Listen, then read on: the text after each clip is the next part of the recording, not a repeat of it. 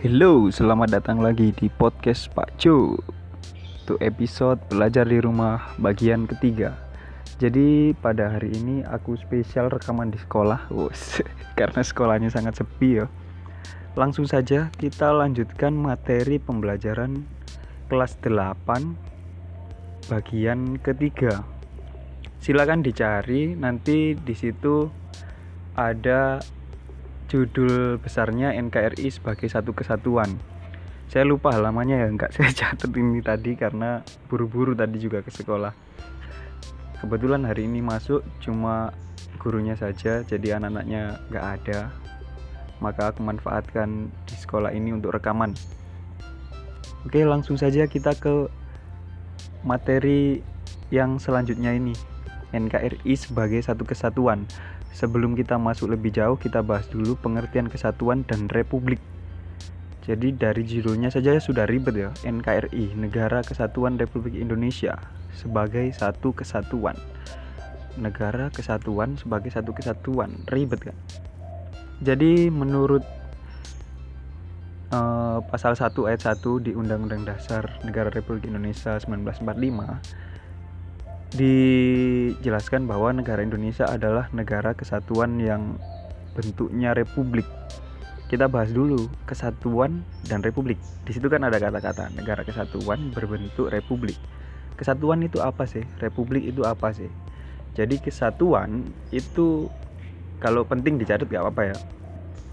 Kesatuan itu proses berkumpulnya berbagai hal yang menjadi satu Nah, di Indonesia sendiri merupakan negara yang terdiri dari berbagai hal.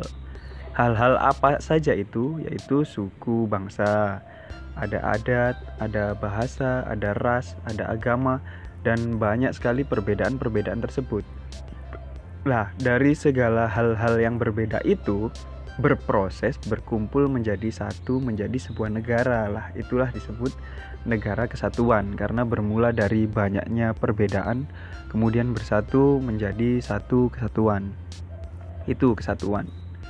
Terus yang kedua mengenai republik. Republik itu apa sih artinya? Jadi republik itu artinya bentuk negara di mana pemimpinnya atau kalau di Indonesia itu presidennya itu bukan dipilih melalui keturunan, bisa berasal dari lapisan masyarakat mana pun. Misalnya, kamu sekarang seorang anak pegawai pabrik, misalnya orang tuamu pegawai pabrik, lah kamu masih tetap bisa berkesempatan menjadi presiden di negara kita suatu hari nanti. Uwis, amin. Jadi di Indonesia itu seperti itu, republik presidennya itu bukan dipilih karena oh Pak Jokowi dulu bapaknya presiden terus sekarang auto presiden terus nanti anaknya auto presiden lagi ndak gitu. Karena itu beda lagi kalau itu namanya negara monarki atau kerajaan. Kalau negara kita republik jadi siapa pun bisa menjadi presiden termasuk kamu mungkin yang mendengarkan podcast ini. Amin. Wes. saya juga pengen lah meskipun tidak tahu nanti bakalan jadi seperti apa ya. Jadi itu pengertian kesatuan dan pengertian republik. Nah, untuk selanjutnya kesatuan negara Indonesia itu bisa dibagi menjadi empat bidang. Di buku juga ada, cuma di sini akan aku jelaskan dengan caraku sendiri ya. Jadi kesatuan negara Indonesia dibagi menjadi empat bidang. Yang pertama, Indonesia sebagai kesatuan politik. Yang pertama, Indonesia sebagai kesatuan politik bisa dicatat. Jadi sebagai kesatuan politik itu berarti Indonesia sama-sama merasa ideologinya Pancasila. Aku, kalian, orang-orang sekitar kalian itu merasa semuanya berideologi Pancasila. Terus sama-sama merasa hidup dalam wilayah perlindungan hukum yang sama. Jadi dilindungi oleh hukum yang sama, terus sama-sama dipimpin oleh pemerintahan yang sama terus sama-sama merasa senasib dan penanggungan sebagai negara lah itu adalah pengertiannya Indonesia sebagai satu kesatuan politik politik itu kan berhubungan dengan pemerintahan. Berarti intinya kalau mau lebih pendek lagi Indonesia sebagai satu kesatuan politik berarti kita sama-sama merasa dalam perlindungan pemerintahan yang sama. Itu pendeknya. Kita kan dilindungi oleh pemerintahnya Presiden Jokowi dan bawah-bawahannya yaitu yang dimaksud. Lanjut yang kedua Indonesia sebagai satu kesatuan wilayah yang pertama tadi sebagai kesatuan politik yang selanjutnya sebagai satuan wilayah apa maksudnya? Maksudnya itu kita merasa sama-sama satu wilayah, yaitu wilayah Indonesia, wilayah negara Indonesia, bukan merasa wilayah Jawa, oh wilayah Sumatera, oh wilayah Kalimantan, wilayah Papua, wilayah Maluku, wilayah Kepulauan Seribu. Jadi bukan seperti itu. Itu namanya kedaerahan, bukan merasa satu wilayah sebagai negara. Yang dimaksud di sini adalah satu kesatuan sebagai kesatuan wilayah. Meskipun kamu orang Jawa, orang Ambon, orang Papua, orang Maluku, orang Ternate, orang mana lah, tetap merasa sebagai satu wilayah Indonesia. Itu maksudnya. Jadi meskipun negara kita kan terdiri dari beribu-ribu pulau ya meskipun kita berbeda pulau meskipun tinggalnya terpisah-pisah seperti engkau dan aku ya waduh kok jadi gini ya Jadi meskipun tempat tinggalnya terpisah-pisah, terpisahkan oleh pulau, terpisahkan oleh lautan, terpisahkan oleh kerinduan, wah. Enggak.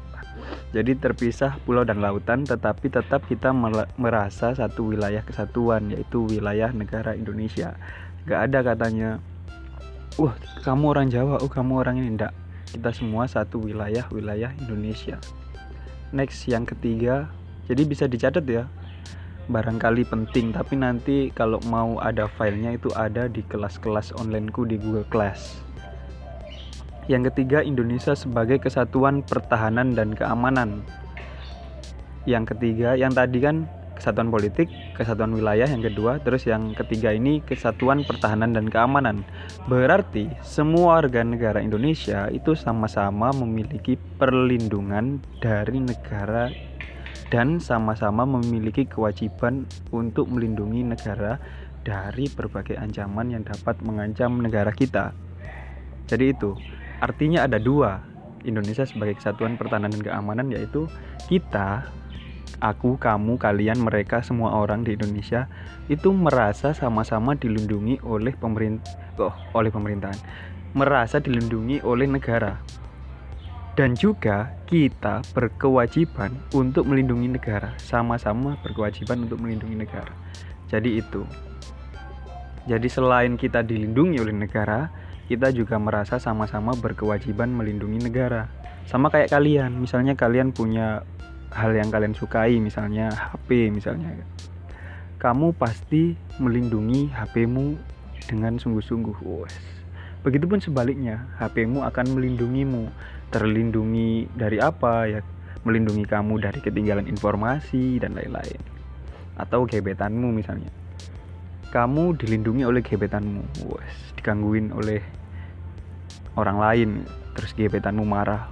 Ngapain kamu gangguin cemewelku misalnya jadi itu maksudnya Indonesia sebagai kesatuan pertahanan dan keamanan berarti kita sama-sama merasa dilindungi oleh negara dan kita juga sama-sama berkewajiban untuk melindungi negara. Ah, lanjut yang keempat. Indonesia sebagai kesatuan ekonomi. Yang dimaksud sebagai kesatuan ekonomi berarti kita semua sama-sama dijamin oleh negara untuk menjadi sejahtera. Terus kita juga sama-sama dijamin ketersediaan barang pokok dengan harga yang terjamin oleh negara Kemudian kita juga merasa sama-sama berhak mengelola alam dengan tanggung jawab. Jadi yang pertama tadi kesatuan politik, yang kedua kesatuan wilayah, ketiga kesatuan pertahanan keamanan dan keempat kesatuan ekonomi. Kesatuan ekonomi kita sama-sama dijamin oleh negara agar menjadi sejahtera. Tapi yang perlu digarisbawahi meskipun kita semua ini dijamin kesejahteraannya oleh negara tapi kita tidak boleh bermalas-malasan bukan berarti wah negara lo menjamin kita. Terus kita setiap hari tiduran reban ngupil sedikit terus makan tidur mandi tidur lagi. Setiap hari seperti itu tidak melakukan apa-apa. Ya negara juga nggak akan mau mensejahterakan orang-orang seperti ini. Kecuali kita bekerja. Bekerja di pabrik.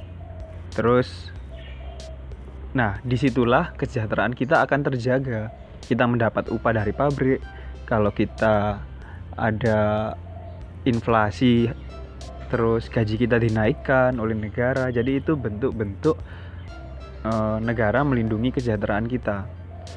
Terus yang kedua kita juga dijamin ketersediaan barang pokok. Jadi jangan dianggap adanya beras itu semata-mata hanya karena hebatnya para toko mencari beras enggak ya. Karena memang negara juga turut campur dalam menjaga kestabilan ketersediaan beras. Jadi di toko-toko itu ternyata sering dicek. Ketersediaannya dicek apabila ada yang nimbun beras di suatu wilayah sengaja disimpan di gudang terus ketika barang barang seperti beras sudah habis berasnya dikeluarkan semua dengan harga yang mahal. Lah di situlah negara akan berperan. Negara akan melindungi kita dari orang-orang yang ingin menimbun beras. Kalau sekarang kan menimbun masker orang-orang semua mencari masker maskernya ditimbun langka. Terus sengaja dikeluarkan ketika seperti ini dengan harga yang mahal. Lah di situ biasanya negara akan berperan. Orang-orang yang mempermainkan harga akan diciduk oleh negara. Jadi itu. Terus ada juga kita merasa sama-sama berhak mengelola alam dengan tanggung jawab. Maksudnya dengan tanggung jawab misalnya kita punya sawah. Kita boleh menggunakan sawah kita, mengelola sawah kita dan hasilnya kita nikmati. Tetapi kita juga harus bertanggung jawab. Misalnya ketika nanti kita mengelola sawah kita terus kita merusak tanaman di sawah sebelah kita lah itu juga nggak boleh milik orang lain kenapa harus dirusak misalnya juga kita mengambil bunga di taman itu kan berhak oh ada bunga bagus kita petik. Itu boleh. Cuma kita juga harus bertanggung jawab sadar diri lah. Misalnya satu taman mekar kamu potong semua bunganya seret. Nah itu nggak boleh. Lanjut. Yang terakhir Indonesia sebagai kesatuan sosial budaya. Saya ulangi lagi yang pertama tadi kesatuan uh, politik, yang kedua kesatuan wilayah, yang ketiga kesatuan pertahanan keamanan, yang keempat kesatuan ekonomi, dan yang kelima kesatuan sosial budaya. Jadi maksudnya Indonesia sebagai kesatuan sosial budaya di sini adalah kita merasa sama-sama satu masyarakat meskipun tidak pernah mengenal sebelumnya. Kemudian kita juga merasa memiliki, mewarisi dan menjaga budaya Indonesia. Kemudian kita juga merasa satu bangsa Indonesia, bukan suku bangsa Sunda, suku bangsa Jawa, suku Sasak, suku Dayak, Bali, Bugis dan lain-lain. Kita tidak merasa uh, berbeda suku, tapi kita merasa satu suku, satu suku bangsa yaitu bangsa Indonesia. Jadi itu maksudnya kesatuan sosial budaya.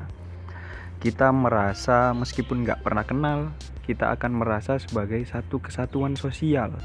Misalnya saja ketika kamu membeli pentol misalnya. Apa ya pentol bahasa? Bahasa Indonesianya itu ini bakso lah beli bakso. Ketika kamu beli bakso kamu makan di tempat orang jualan bakso itu. Kemudian di sebelah kamu ada orang makan sebelumnya nggak kenal nggak tahu itu siapa. Setelah makan kamu diajak ngobrol oleh orang itu. Mbak mas gimana baksonya? Enak. Oh enak bu. Ternyata setelah itu kalian ngobrol ngalur gitu oh ternyata kamu anaknya ini toh. Oh saya juga punya tetangga di situ namanya ini. Nah biasanya orang-orang Indonesia itu seperti itu. Meskipun nggak kenal mereka akan tetap merasa kenal merasa satu kesatuan sosial. Jadi itu kita merasa memiliki kesatuan sosial. Itu yang dimaksud. Kemudian kita merasa memiliki satu kesatuan budaya. Misalnya uh, Reok Ponorogo. Meskipun kita nggak dari Ponorogo misalnya Reok Ponorogo itu diklaim atau diambil oleh orang luar negeri kita satu Indonesia Raya meskipun kita orang Kalimantan misalnya kita pun akan ikut marah meskipun kita bukan orang Ponorogo jadi itu yang dimaksud Indonesia sebagai kesatuan sosial budaya nah cukup itu sepertinya materi untuk hari ini mohon maaf apabila memang terlalu cepat karena saya juga nggak pengen durasi dari podcast ini terlalu panjang. Apabila ada pertanyaan bisa ditanyakan ke akun media sosial saya di @coilrojikin atau bisa di Google Class. Oke, terima kasih. Bye.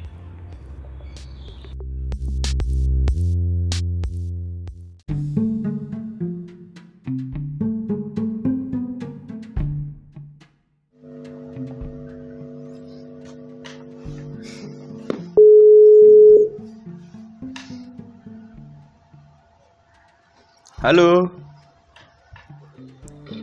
Halo. say hi tuh, say hi. Bentar, Pak. Hai, Pak. Aneh ya. Oke, sekarang aku sudah bersama dengan Dito kembali. Tuh, halo. Iya, Pak. Tak kira Ya, ketiduran. halo. Gimana tuh kabarnya tuh? Baik ah? Ya, baik-baik aja, Pak, di rumah. Baik-baik Tapi aja. bosen, Pak, di rumah terus. Bosen? Kenapa kok bosen? Ya, bosen, Pak. Yang dilihat itu itu aja. Emangnya kamu pengen lihat apa aja tuh? ya, kalau sekolah kan enak, Pak. Bisa keluar rumah gitu. Hmm, ya meskipun belajar di rumah kan tetap bisa keluar rumah ke teras. Ya, kan ke teras doang, Pak.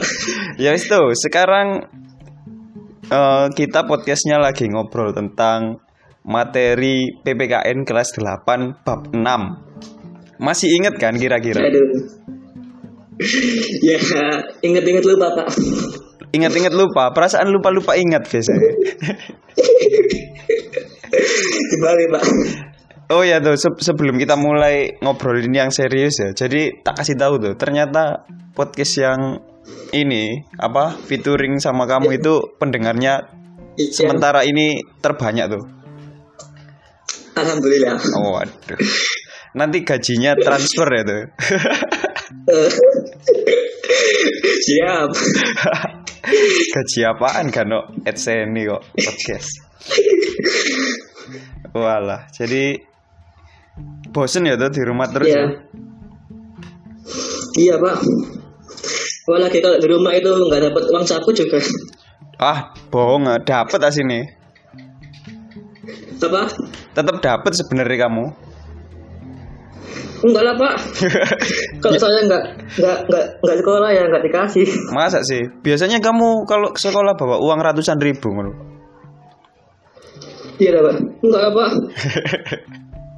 Ya wes, kita kita mulai ngobrol serius. Ini podcastnya buat adik kelas kamu tuh, kelas 8. Saya kok gugup pak ya. Gak usah gugup. Emangnya kamu mau ketemuan sama doi? Wes. ya wes tuh. Jadi judul pak. judul besarnya tema kali ini eh kok tema sih? Judul besarnya subtema pada bab ini tuh menunjukkan perilaku semangat dan komitmen kebangsaan dalam kehidupan. Ada beberapa ada beberapa sikap dan komitmen kebangsaan yang harus apa ya dilaksanakan oleh seluruh orang lah khususnya untuk murid-murid. Kamu sebagai kakak kelas Ya. sekarang tugasmu adalah ngasih tahu ke adik-adik kelasmu. Sikap Waduh. sikap ini harusnya gimana sih melaksanakannya? Sikap ini harusnya gimana sih melaksanakannya? Gitu tuh, gampang kok. Iya iya ya pak. Ya nggak tahu pak. Gampang pak nggaknya. ya wes kita mulai langsung aja. Kalau untuk adik Ya. kelas yang dengarkan ini buku paket halaman 142. Yang pertama, Ya. sikapnya itu ada sikap cinta tanah air. Sikap cinta tanah air itu apa sih tuh? Sikap cinta tanah air itu ya kayak warga Indonesia itu wajib mempunyai rasa cinta tanah airnya sendiri gitu pak. Gimana itu? Aku cinta Indonesia, masa gitu tuh? ya cinta tanah airnya cin- cinta tanah airnya itu ya bisa diwujudkan dalam beberapa perilaku gitu pak Misalnya, misalnya. Misalnya menjaga keamanan nih menjaga keamanan antar wilayah gitu pak. Wah, kamu mau ke perbatasan. Apa? Emangnya kamu mau ke, per- ke perbatasan Indonesia tuh? kan misalnya nggak nggak nggak apa ya? Nggak mengecek-ecek wilayah lain dulu pak. Oh, tetap menjaga keamanan gitu loh maksudnya itu menjaga apa ya kehormatan negara sendiri gitu. ya Misalnya aku, agar tidak terjadi misalnya kamu belajar di rumah secara tekun itu cinta tanah air apa enggak tuh? ya juga bisa bisa. Kalau nggak bisa, ya harus bisa pak ya wes satu cinta tanah air beres. Misalnya itu ya menjaga apa tadi? Keamanan, menjaga keamanan. Nggak ngejek negara. menjaga martabat bangsa. Oh, kalau martabat aku ingete ini tuh terang bulan. itu martabat pak. Oke lanjut. Yang kedua Membina persatuan dan kesatuan. Itu apa tuh? membina persatuan dan kesatuan. Itu merupakan tindakan yang menunjukkan usaha membina persatuan bentar pak bentar pak. Kayak kayak Pak RT tuh ngomong itu. Apa ya pak? Ya kita itu harus menjaga persatuan bangsa ini agar bangsa ini itu tidak terpecah belah itu loh pak. Agar tetap bersatu dan dan ya gitu. Misalnya Biar tetap bersatu itu harus ngapain? Realnya tidak. Misalnya itu tidak membeda-bedakan manusia pak. Oh, wes. dalam berteman itu kita tidak membeda-bedakan teman antar suku Mm-mm. antar agama gitu pak. Jadi kita itu tetap bersatu gitu. Hmm, Jawabanmu kok cocok kayak di buku paket itu ya? Jangan-jangan kamu bawa buku paket. Enggak lah pak. Kan udah dibalikin pak. Oh emang kalau udah mer- meresap pelajarannya itu gitu ya ya nggak tahu. Nggak nggak sia-sia lah aku dulu ngajar kamu ya lanjut tuh yang ketiga rela berkorban. Ya. Rela berkorban itu apa? Rela berkorban itu kayak kita itu memberikan sesuatu itu kepada orang lain itu dengan ikhlas pak walaupun diri kita itu merasakan sesuatu yang kurang enak. Oh yang enggak. misalnya misalnya. Misalnya ber- berkorban untuk untuk untuk virus corona ini loh, pak. Kita berkorban uang gitu pak. Kamu uang saku yang nggak dapet mau berkorban uang bukan saya pak. Untuk itu pak. Oh eh, contoh. Berarti kalau misalnya tenaga medis yang sekarang melawan corona di rumah sakit itu rela berkorban itu iya pak.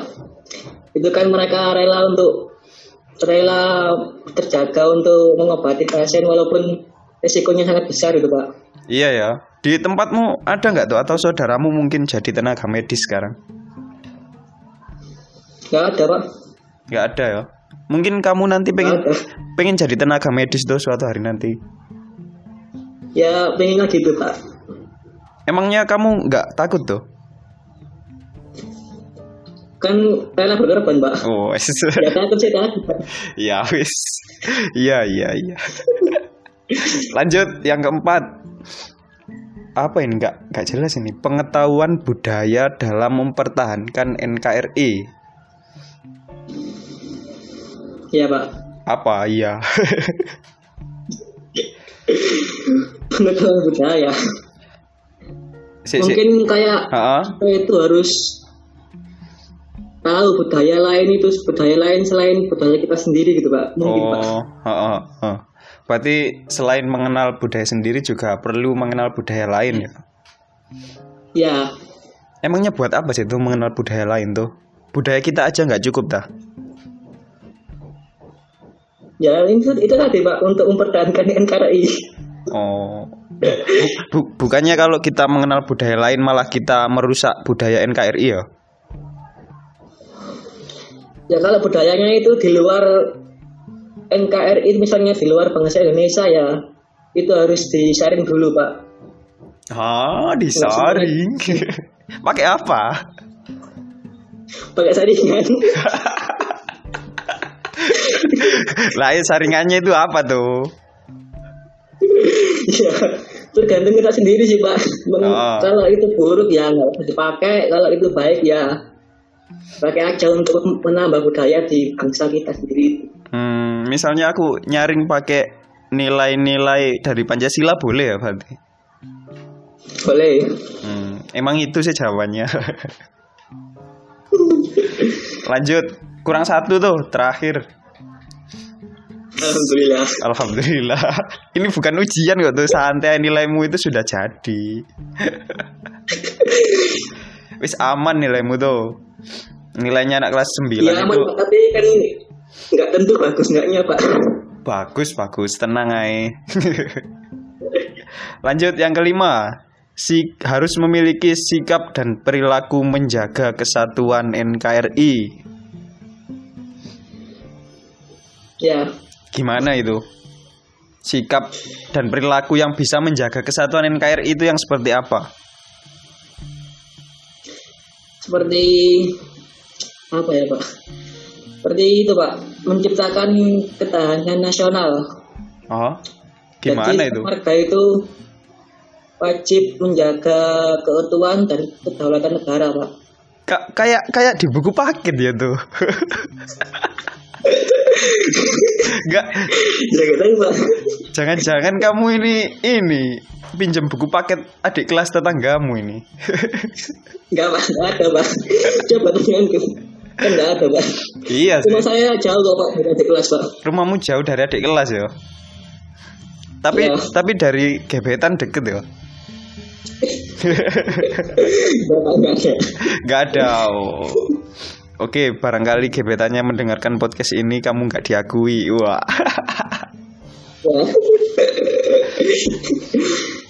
Udah tuh, jadi itu aja ngobrol-ngobrol seriusnya.